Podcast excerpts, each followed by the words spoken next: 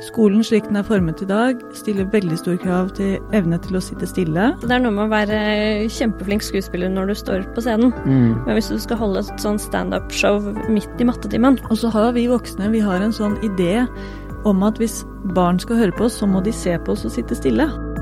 Fagbokboden er laget i samarbeid med Gyldendal. Fra uro til ro.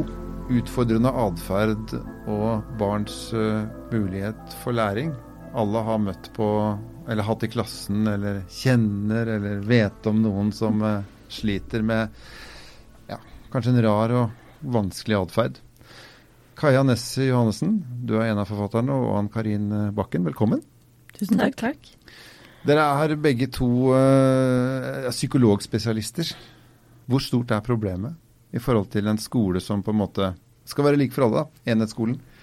Hvor stort er problemet i forhold til uh, at, uh, at, barn er veldig forskjellige og har ulik bakgrunn, og kanskje noen sliter med det?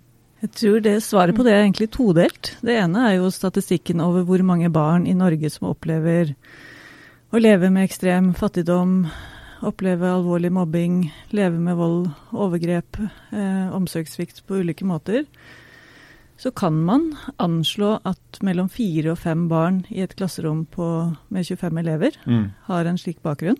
Å oh ja. Det er en ganske stor prosent. Så vi sier at uh, hvis du da skalerer det opp til en skole med 500 elever, så er det jo mellom 80 og 100 elever som uh, kan ha med seg bagasje som vil påvirke skolehverdagen deres betraktelig. Så det er det ene. Det andre er jo Spørsmålet er på en måte slik skolen er utformet i dag om den faktisk gjør det mer krevende for også flere barn mm. å få til en skolehverdag.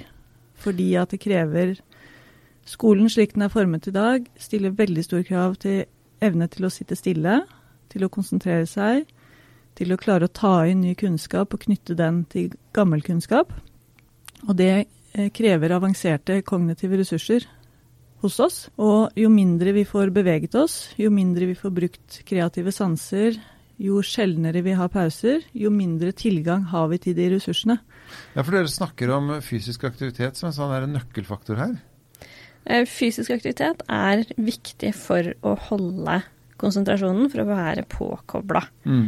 Eh, fysisk aktivitet kombinert med en trygg og god relasjon til en voksen person på skolen, medelever, eh, de to faktorene sammen hjelper oss til å konsentrere oss. Og vi kan jo kjenne på det selv etter en et langt møte eller en slitsom dag på jobben, bare det å strekke litt på seg ja. eller ta en løpetur, det hjelper. Mm. Dere snakker om en bro mellom hjernens utvikling og fungering og praksis? Ja, fordi det er etter hvert, altså de siste fem-seks årene, eller kanskje ti årene faktisk, har det kommet ganske mye kunnskap om hvordan hjernen fungerer. Og hjernen er jo det mest komplekse organet vi har, så vi er ikke i nærheten av å fullt ut skjønne hvordan den fungerer. Men vi vet mye mer nå enn vi, vi gjorde. Vi vil vel kanskje aldri skjønne den heller? Det tror jeg ikke. Til det er den for komplisert og vice versa. Helt, ja. helt klart. Men den kunnskapen vi har fått nå, hjelper oss i mye større grad til å skjønne mer av hva som skjer, altså hvorfor noen barn strever på den måten de gjør, og hva de trenger. Og når vi har skrevet denne boken, så er det fordi at vi selv har opplevd den eh, kunnskapen ekstremt nyttig i arbeidet, det daglige arbeidet vårt. Og fordi vi opplever at når vi er ute og underviser om den kunnskapen, så har lærere og andre som jobber på skoler og barnehager, eh, sagt hvor kan vi lese mer om dette her. Og da har vi ønsket å tilby litteratur som nettopp både gir den kunnskapen om teorien, men også hjelper dem til å oversette den teorien til hva betyr det i klasserommet, hva betyr det i hverdagen min, hva betyr det i møte med Per, mm. eller Vegard eller Bashir eller Jamila eller Vilde, som, som, vi, eksempler. Ja. som vi bruker. Ja. Casene deres. ja. ja. Fordi det, det, var også noe vi opplevde utfordrende når vi begynte å lære alt dette nye om hvordan hjernen henger sammen, hvordan den utvikler seg, hvordan den prosesserer ny informasjon. Så var det kjempenyttig og veldig spennende. Men så kom vi til sånt Men hva, hva gjør vi med det? Hva, hvordan mm. skal det se ut her i hverdagen vår? Og så har vi brukt da, de siste fem årene på virkelig liksom, utforske det. Uh, og den kunnskapen hadde vi lyst til å bringe videre. Ja, for et spørsmål her er jo sånn, hvis, du, hvis man har et barn foran seg som lærer, uh, mm. som er krevende, vanskelig, Så kan man selvfølgelig si at ja, her ligger det helt sikkert noe bak som er problematisk for det barnet. Eh, ny forståelse. Da jeg var liten, så var det sånn, da var det bare vanskelig. Det var en håpløs unge. Ferdig med det. Spesialskole, vær så god. Eh, nå ser vi annerledes på det, og det er bra det. Men han, altså, tenker dere mest på hvordan man møter det barnet der det barnet står? Eller skal man eh, gå videre og prøve å få gjort noe med bakgrunnen for at barnet faktisk er sånn? Ja takk, begge deler. Ja, ikke sant? For læreren er vel kanskje er er hvert fall der hvor barnet står. Ja, og jeg tenker altså selvfølgelig i alvorlige saker, og hvis man får bekymring, så, så har jo lærere også en, en meldeplikt mm. til barnevernet, og man bør være i dialog med foreldrene i, i situasjoner hvor det er, hvor det er nødvendig. Um, men jeg tenker jo at, at barnet skal på skolen uansett. Uh, og denne, dette barnet skal ha en best mulig hverdag, denne læreren skal ha en best mulig hverdag. Og da tenker vi at det er nyttig å ha kunnskap om hvordan både barn og læreren kan få en best mulig hverdag. Og så viser det seg, når vi mm. tester ut denne kunnskapen og, og, snakker med Vi samarbeider mye med miljøer i USA, der hvor den modellen vi jobber etter, er utviklet. Og da Eh, får vi tilbakemeldinger på, og har erfaring med selv, at dersom vi bruker prinsippene fra denne kunnskapen i møte med en hel gruppe med barn, så blir det ikke nødvendigvis det ene barnet stående så mye utenfor gruppa. For du får avskygningene sånn Ja, jeg skjønner. Ja. Du setter ikke en hard linje mellom hvem som er vanskelig og hvem som ikke er det? Nei, faktisk ikke. Fordi at hele gruppa har, litt sånn som Karin akkurat snakket om med, med dette med fysisk aktivitet. ikke sant? Vi vet stressresponssystemet er helt sentralt for å forstå dette her. Fordi stressresponssystemet vårt har forgreininger til hele resten av hjernen. Sånn at hvis stressresponssystemet vårt er regulert, altså vi har fått nok søvn, vi er mette, vi er ikke kalde eller for varme, og vi føler oss relativt trygge. Helt basale tingene er i orden. Alt ja. er på plass. Så vil vi ha tilgang til hele cortex. Og cortex er den mest avanserte delen av hjernen vår. Der hvor når vi har nettverkene i cortex, hjelper oss med konsentrasjon, impulskontroll, relasjonell kapasitet, det å vurdere konsekvensene av handlingene våre, koble ny informasjon med gammel informasjon, alt mulig sånt. Og det er cortex vi trenger tilgjengelig for å fungere i et klasserom. Mm. For å kunne høre på hva læreren sier, men også kunne følge reglene. Ikke sant? Det hadde ikke vært mye rettere å bygge om skolen, da? Så det ikke ble så skrekkelig vanskelig å være barn. For jeg tenker at det er jo altså Er det noe unger sliter veldig med, så er det jo å konsentrere seg, sitte stille og særlig lenge. Ja. altså, ja, altså Veldig mange skoler i dag har jo typ 90 minutters økter. Mm. Um, og 90 minutters økter som ikke ikke er brutt opp med noen form for reguleringsaktivitet, det være seg en treminutters dans eller bare litt sånn pushups mens man sitter på stolen mm. Du skal sitte i 90 minutter som en fem og et halvt-åring som nettopp har begynt på skolen. Yes. Så får du utfordringer. Eller som en 54-åring som kjeder seg litt. ja. Det holder for han mm. også. Akkurat det. Jeg skal ha ganske klart bilde av verdien dette har for meg. Mm. Hvis jeg skal holde ut. Ja, og det har du ikke nødvendigvis når du er 5,5 eller 54 eller hva det måtte være. Særlig ikke når du er 5,5. ja. Så hvis man altså, Spørsmålet om skal man bygge om skolen, skal man ha veldig mye kortere arbeidsøkter? Eh, eller skal man bryte opp de øktene man har, og legge inn eh, overgangsaktiviteter? Legge inn type aktiviteter barna kan gjøre i klasserommet. Mm. Ha, hvis du skal ha 90 minutter matte, så er det kanskje ikke 90 minutter hvor læreren står oppe ved tavla og underviser men kanskje læreren snakker litt, og så er det oppgaver. Kan du henge oppgavene rundt i klasserommet på en snor, hvor elevene kan gå og hente seg hver gang de skal ha en ny oppgave, mm. så får du bygd inn pauser for barna. Mm. Og så er det andre måter å gjøre det på. fordi Det er ikke alltid så store endringer som skal til. Men det man vil se hvis du begynner å observere et klasserom, så vil du se at barna søker denne type stimuli. De begynner å bli ormer på stolen, ikke sant. Ja, ja. De begynner å tegne mens de hører på læreren. ikke sant? Og så har vi voksne vi har en sånn idé om at hvis barn skal høre på oss, så må de se på oss og sitte stille. Mm. Da hører de best. Men sånn er det ikke nødvendigvis. Sånn at veldig ofte hvis vi ber et barn som er urolig, om å sitte stille og høre etter, i essens det vi gjør da, er å be barnet bruke impulskontroll fra Cortex til å dempe de impulsene, og får da mindre kapasitet til å høre på hva læreren sier. Men hvis vi hadde tillatt det barnet å bevege seg og sitte urolig på stolen eller kanskje til og med gitt det noen hjelpemidler.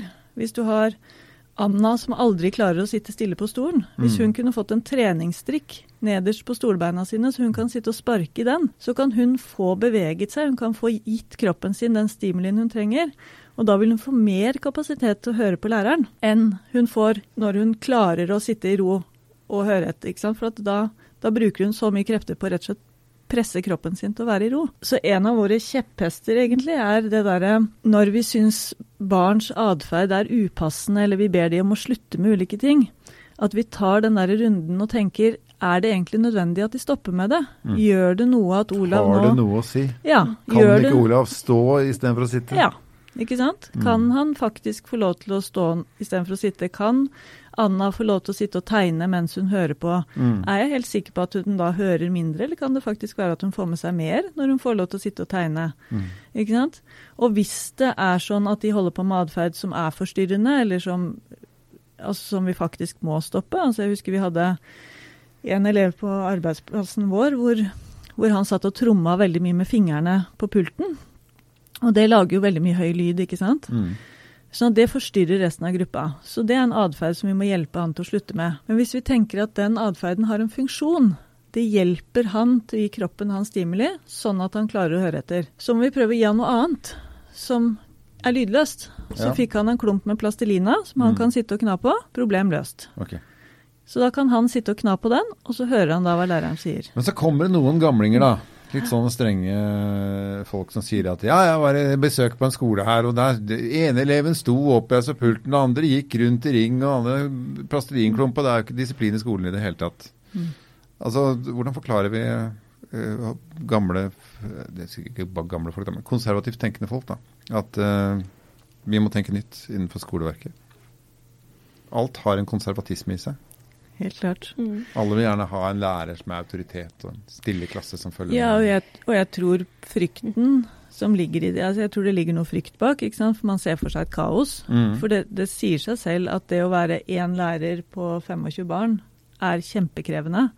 Så det er klart at man ønsker å ha en viss form for struktur og forutsigbarhet og rutiner og rammer for Du at det ser jo bare på folk som har mer enn to unger, ikke sant. De har jo en helt annen orden enn enebarnfamiliene. Ja.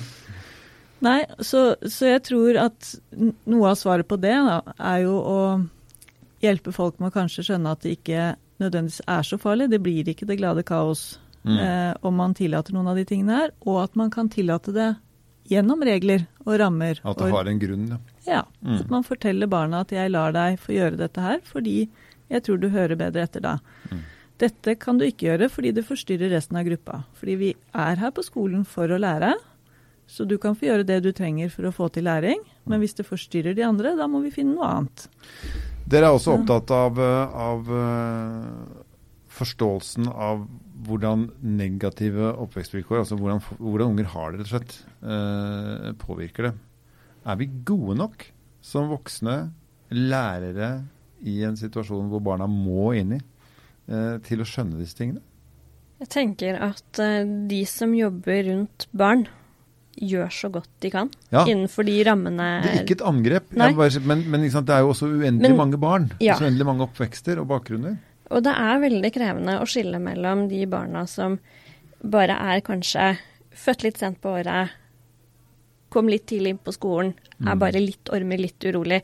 Hvis man bare hjelper de litt, så vil de finne roen etter hvert. Mm. Og det å skille mellom de barna som lever med veldig utfordrende oppvekstvilkår, da, som Mm. vold, overgrep, eh, fattigdom, eh, foreldre som er psykisk syke. Mm. Det er jo vanskeligere for én lærer, som kanskje er kontaktlærer for 20-30 elever, å finne alle de.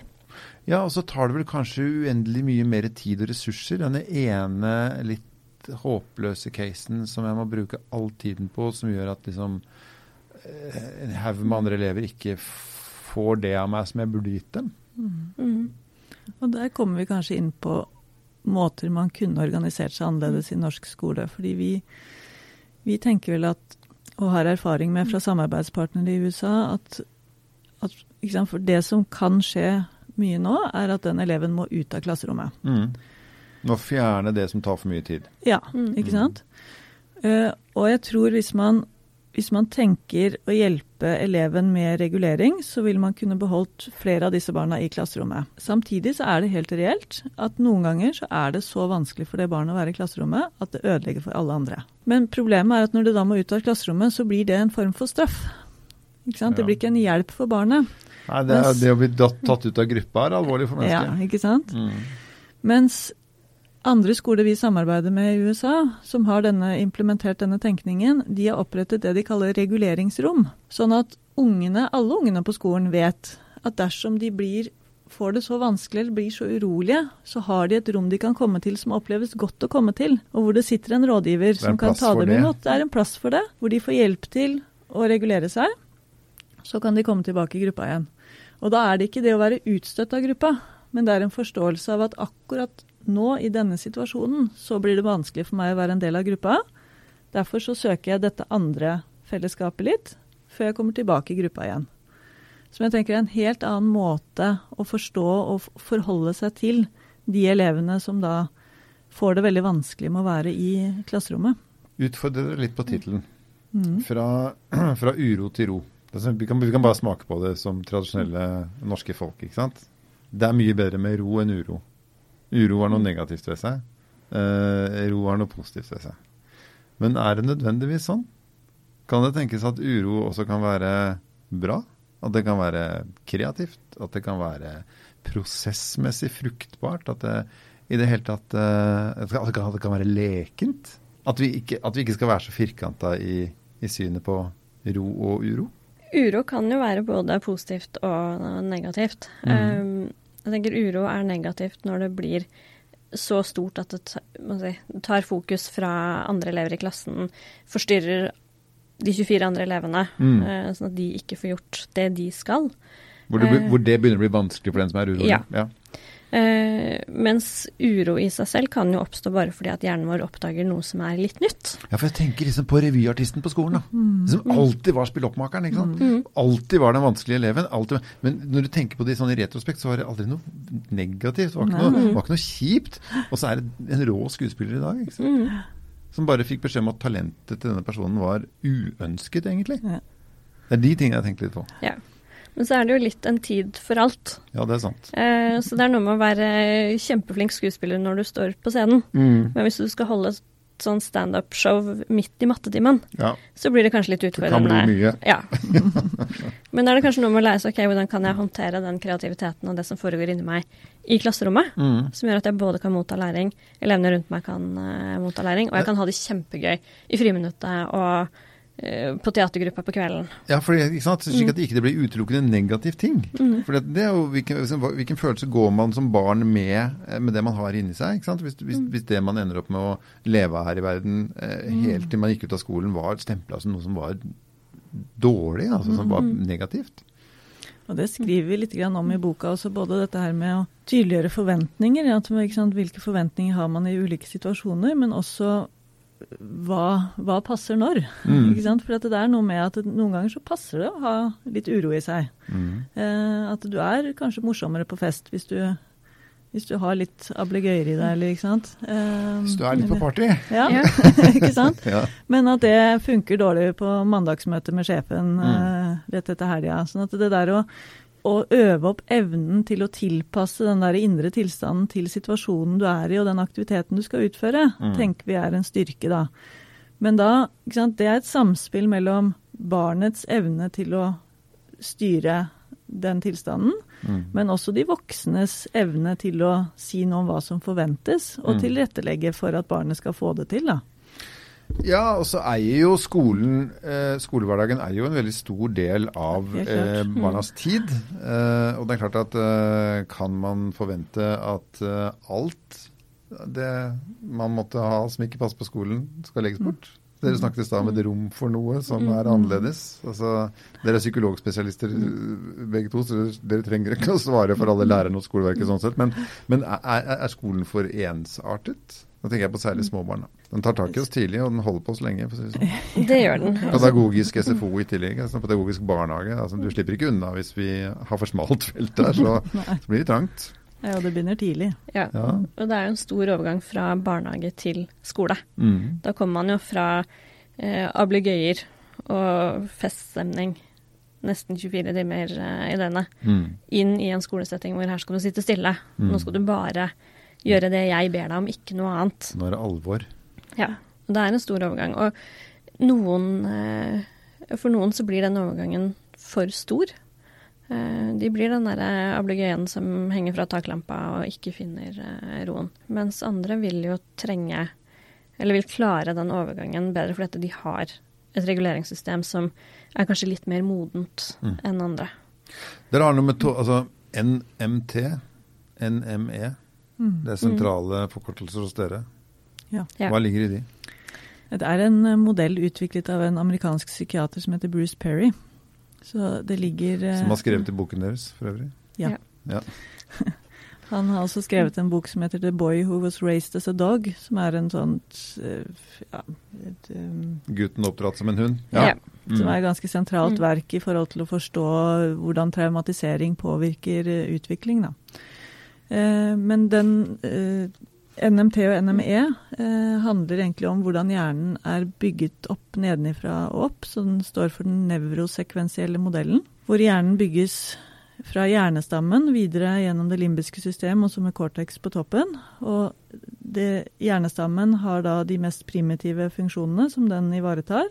Så er det limbisk systemet som er mer knyttet til følelseslivet vårt, og så har du cortex på toppen som har alle disse mer avanserte funksjonene med konsentrasjon, impulskontroll, evne til å vurdere konsekvensene av handlinger, eh, avansert relasjonell kompetanse, Mm.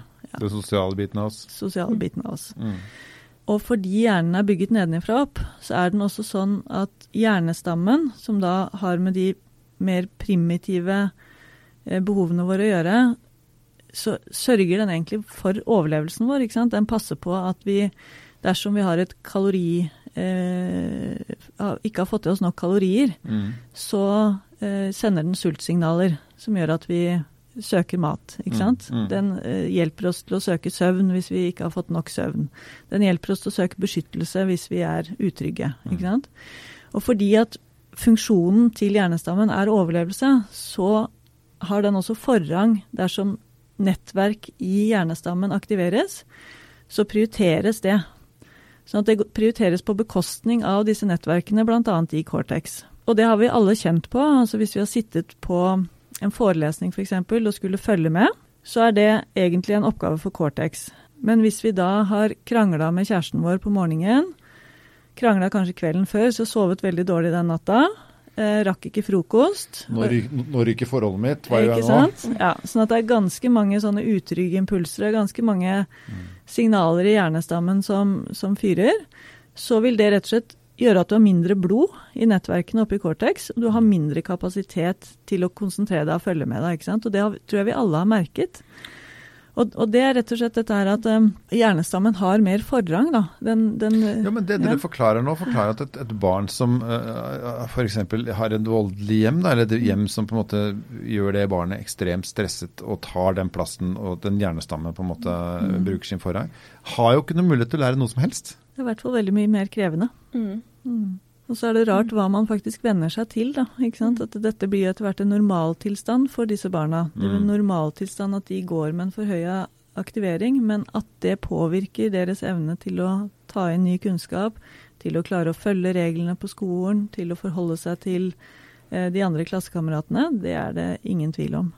Så har det jo en annen side av seg også, fordi at det er ikke bare det at disse barna går med et høyere stressnivå, høyere aktivering, går og tenker og bekymrer seg for ting som eh, kan foregå hjemme, eller hva venter meg når jeg kommer hjem, eller jeg er kjempesulten fordi at det var ikke mat i kjøleskapet, så jeg har ikke fått frokost. Men disse barna får heller ikke god nok støtte og hjelp til å utvikle sin egen reguleringskapasitet.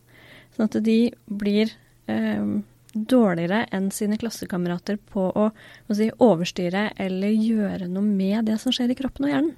Så de både liksom, går med en forhøya aktivering, og de strever mer med å dempe den. Da kommer du dårlig ut ganske tidlig. Ja, det er en skeiv Mm. start. Og så er noe av utfordringen er at vi som voksne rundt barn noen ganger tillegger barn for store forventninger. Da, ikke sant? Fordi at vi som sitter her med våre voksne kropper, vi har en fullt utvikla cortex som gjør at vi har mer kraft til å overstyre disse eh, impulsene. Jeg kan på en måte tenke at ok, i dag er en litt tøff dag, men jeg får komme meg gjennom, og så blir det sikkert bedre i kveld, og da kan jeg ringe venninna mi, eller Ikke sant? Mm, sortere. Ja. Men, men, unger har jo ikke utvikla den cortexen ennå. ikke sant? Sånn at de blir jo også mye mer offer for disse her rå impulsene fra, fra hjernestammen. De har ikke det bremsesystemet eh, like mye på plass. De har ikke noe ettermiddag heller. Nei. De har nå. ja, de har nå. Det er sant. Mm. Kommer vi noen gang til å få en skole som til slutt, kommer vi noen gang til å få en skole som passer for alle barn? Er det mulig? Det tror jeg ikke. Nei. Men jeg tenker at det er, det er mange skoler som altså ser at de har en hel haug med elever som trenger eh, noe annet enn en sånn A4 sitt stille i 90 minutter-type eh, tankegang.